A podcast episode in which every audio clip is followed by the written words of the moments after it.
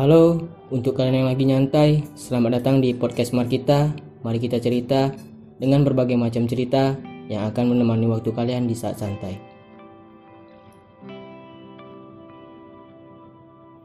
Di podcast kali ini atau di episode kali ini aku ingin ngebahas tentang gaming development dan kebetulan aku ada narasumber yaitu teman aku, teman dari SMP sampai sekarang. Bisa dikatakan dia cukup berpengalaman lah di bidang ini dan biar lebih asik atau lebih akrab itu kita suruh aja dia perkenalkan dirinya Halo teman-teman, nama aku Firman. Sekarang aku kuliah di Universitas Riau. uh, man selain sibuk kuliah ngapain aja sih man Uh, sebenarnya sih selain sibuk kuliah ya gitu-gitu aja. gitu-gitu ya, gimana nih ya aku sih sambilan ngoding kan sesuai jurusan. Nah kalau jurusan di kampus apa tuh man jurusannya Kalau jurusan aku kemarin itu daftarnya dan lulusnya di ilmu komputer deh. ilmu komputer Uh, prodinya aku itu D3 Manajemen Informatika. Nah, aku lulusnya di D3 alhamdulillah. alhamdulillah ya ada tiga Eh, kalau ngoding-ngoding tuh gimana man lu kesahnya ada nggak Sebenarnya kalau untuk aku sendiri ya dari mungkin udah diasah dari SMP juga. Itu tuh kelihat deh hasilnya. Da- sampai sekarang itu nggak minim lah untuk kesulitan itu. Kalau dilihat dari teman-teman yang baru masuk yang baru kenal dunia programming itu mereka ya pasti bingung lah. Iya jelas.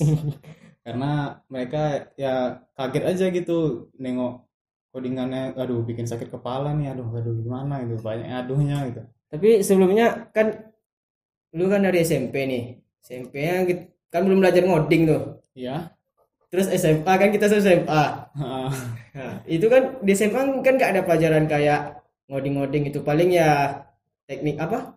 Teknik informatika, ya TI, TIK kan. Nah, jadi itu kan nggak ada juga kita diajarin tentang ngoding-ngoding. Itu awal mulanya belajar ngoding-ngoding kayak mana sih, Man? nah pas SMP itu aku tuh sering main game. Nah jadi kebuka deh pikiran tuh gimana sih? Orang ini bikinnya gimana ya? Loh ini karakternya kok bisa jalan gini ya? Kok gini bisa gitu gitu. Nah sampai saat itu eh, lebih muncul lagi permasalahan lebih ini lebih dalam lagi. Loh ini komputer kok bisa beroperasi gitu? Ini aplikasi gunanya kok bisa gini gitu kan? Nah jadi dari situ aku mulai tertarik du- ke dalam dunia programming nah pas SMP itu ya sekedar-sekedar cuman ingin cari-cari tahu doang cari-cari tahu doang gimana sih itu programming dasar-dasarnya apa aja Eh, terus yang project awal waktu SMP ada nggak atau pernah yang lu lakuin waktu SMP tentang programming itu? Nah, kalau itu jujur nih ya. kalau aku sih dulu pas SMP itu eh, awal-awalnya tuh kalau dari progres hasil pas SMP itu paling mentok itu bikin program kalkulator kali ya. Kalkulator. Iya. Kalau aku disuruh itu nggak kan bisa gitu. Itu sih otodidak kan. Jadi di Google itu juga udah ada tahap-tahapannya. Gue sebenarnya aku cuma ngikutin doang dari tahap-tahapan di Google. Cuma dari situ bisa dikembangin. Nah, dari situlah aku mulai tahu bahasa-bahasa pemrograman yang ada di, di sekarang ini yang beredar sekarang ini. Berarti lebih tepatnya kayak bereksperimen lah gitu kan, Ah, nyoba-nyoba iya, iya benar. dan sampai sekarang jadi ya mahir lah kalau bisa katakan. Amin. Nah, kita masuk ke topik nih. Tadi kan gaming development. Iya. Eh, yang dimaksud dari gaming development tuh yang kayak mana sih, Man?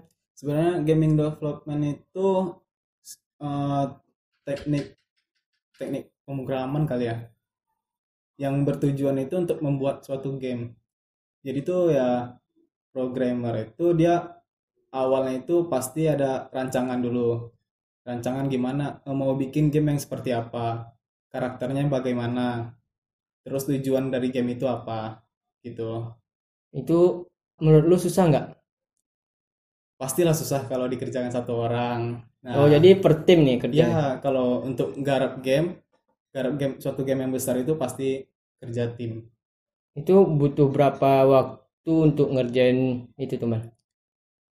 kalau game besar sih kalau timnya sama-sama kuat artinya tuh semuanya tuh jalan sesuai sesuai Prosedur. kebutuhan Prosedur. sesuai prosedur gitu kalau itu sih kayaknya butuh waktu tergantung kesulitan sih sebenarnya Nggak, kisaran-kisaran yang yang paling lama lah paling lama ngerjainnya gitu Nah, ini deh kalau dari pengalaman dari pengalaman aku game yang udah ada terus aku tambahin fitur lain, aku perbaiki segala macam kekurangannya itu tuh kisaran dua tahunan deh kami kerjainnya.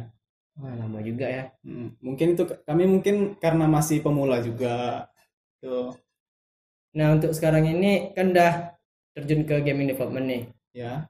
apa udah berpenghasilan enggak Ada yang menghasilkan sesuatu mungkin atau bisa buat orang bahagia Alhamdulillah lah ya. Kalau udah alhamdulillah berarti ya ada contohnya sudah apa? Alhamdulillah sih udah berangkatin kedua orang tua umroh gitu. Itu aja. saya itu aja man Nah, itu lain dari itu rahasia dapur. ya teman-teman sebenarnya ini bukan untuk ria juga ya benar. tujuannya untuk Mengedukasi. mengedukasi teman-teman gitu biar terbuka pikirannya gitu Ya, sekalian memotivasi bagi yang berminat. yang berminat dan kita lihat juga kan man soalnya remaja-remaja sekarang tuh kayak mana ya Para gila game tuh. ah, gila game nggak padahal nggak tahu buat game itu susah gitu Iya, kan nggak nggak pengen tahu gitu cara buat game gimana tuh. cuma bisa nikmatin Keluh kesahnya nih, kalau mau dengerin tuh bagi gaming developer yang lain. Nah, itu tuh kadang tuh eh, yang bikin down developer itu bukan masalah bug-bug yang ditemukan, tapi itu masalah cacian dari player. iya bener tuh bener tuh bener teman Iya gitu. Banyak tuh. Ini gamenya apa nih game broken, game apa segala macam lah itu. grafiknya Iya. grafik burik yang seperti itu ya jadi player tolong ya ngertiin juga usaha dari para developer yang udah menciptakan game tersebut tuh untuk game udah berapa game yang dikerjakan atau apa man pribadi sih kalau untuk bikin game dari awal itu paling game-game sederhana kayak game-game di Android. Tapi sih nggak disebar Nggak di di komersil ya? ya nggak di jadi cuman untuk Kayak media pembelajaran, media pembelajaran. aja. Nah itu tuh game-game kecil kayak game tebak-tebak warna atau apa gitu. Itu bikinnya tuh selama perkuliahan mata kuliah tersebut juga kalau untuk game-game yang yang yang bakalan di launching itu ya sebenarnya ini gamenya udah ada cuman kita memperbaiki Memperbaiki pem- memperbaiki sistem. terus Heeh. nah itu kalau yang game-game kayak gitu sih baru rilis itu satu sedang mengudara sekarang gitu siap sedang mengudara ya sebelum sebelum terjun ke game yang udah sedang mengudara nih man oke ada nggak pernah buat game yang buat pribadi gitu yang di, dibilang tadi gitu yang lu jelasin tadi Oh, pernah kita eh, waktu itu secara tim juga bikin game yang sebenarnya karakternya itu dua dimensi. Gamenya itu nggak terlalu terlalu sulit lah, tapi nggak terlalu gampang juga. Sebenarnya niat niatan awal itu bakalan dibikin online. Terus kita masa masa testing beta testingnya itu menggunakan koneksi lokal. Nah, cuman sempat berhenti. Bukan sempat berhenti sih berhenti total sampai sekarang. Karena apa tuh? Nah karena lebih fokus sama yang sekarang ini. Yang sedang Iya. mengudara ya. Oke iya benar.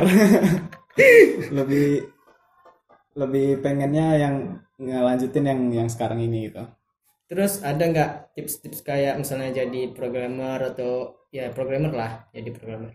Kalau untuk programmer eh, tips dari aku nih kalau untuk jadi programmer itu sih sebenarnya kita tuh harus sering-sering menghayal sih sebenarnya.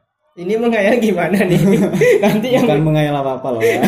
Nanti yang dihayalkan beda nanti. Jadi yang menghayal maksudnya di sini itu kayak kita menghayalkan sistemnya. Gitu. Misalnya karakternya seperti ini, saya eh, aku bicaranya tentang game deh ya, karena kita Bahasnya tentang bahasnya game juga ya. developing. Nah, jadi di sini itu kayak kita ngayal gimana sih karakternya eh, bisa naik level, karakternya eh, melakukan aksi ini, aksi itu, manggil fungsi ini, fungsi itu. Nah, itu tuh dirancang namanya itu algoritma gitu algoritma ya algor- al- algoritma suatu program untuk nyampai hasilnya gitu nah jadi yang tips pertama itu ya buka imajinasi aja tuh. Buka Nyari- imajinasi. nyari referensi juga Iya, kan? benar. Di nggak apa-apa itu cari referensi dari game-game yang udah ada juga nggak apa-apa. Nah untuk tips yang kedua itu ya perbanyak aja ya, eh, apa bahasa-bahasa pemrograman yang lain dipelajari aja nggak apa-apa. Itu semuanya sama logikanya juga sama. Cuma beda penempatan sintak aja gitu jadi itu aja man Eh, untuk intinya itu aja. Intinya itu Iya. aja. Kenal kenali bahasa pemrograman yang kamu kuasai perdalami bahasa pemrograman tersebut eh, mahirkan logika perbanyak menghayal. Menghayal kayak nyari referensi Iya, game ya benar, kan? iya, atau benar. sering main game. Kan lu juga pasti sering main game kan? Ya pastinya dong. Gamers juga berarti ya? Iya dong terus sebelum aku tutup nih man sebelum kita closing lah ya eh, Iya. ada nggak pesan-pesan buat anak-anak muda sekarang? Ya ya baik eh, pesan dari aku buat kalian teman-teman yang ingin menjadi programmer eh, kalian nggak perlu takut apa pun hasil yang akan dicapai. Yang penting itu progresnya. Progres itu cukup menyenangkan karena dari progres itu kita tahu sampai mana kemampuan kita. Ya. jangan mudah patah semangat karena dan yang mudah putus asa juga iya, ya. karena ocehan-ocehan orang tetap berkarya. Hmm, dan pada intinya teman-teman eh, jika kalian ingin melakukan sesuatu atau ingin membuat karya jangan lebih kepikiran dari ocehan orang gitu cacian orang. Yang penting kalian berkarya dulu nikmati nikmati proses-proses yang kalian lalui gitu. Podcast kali ini cukup sampai di sini semoga bermanfaat buat kalian semua. Mohon maaf kalau ada salah-salah kata dari aku atau dari firmannya. Dan sampai jumpa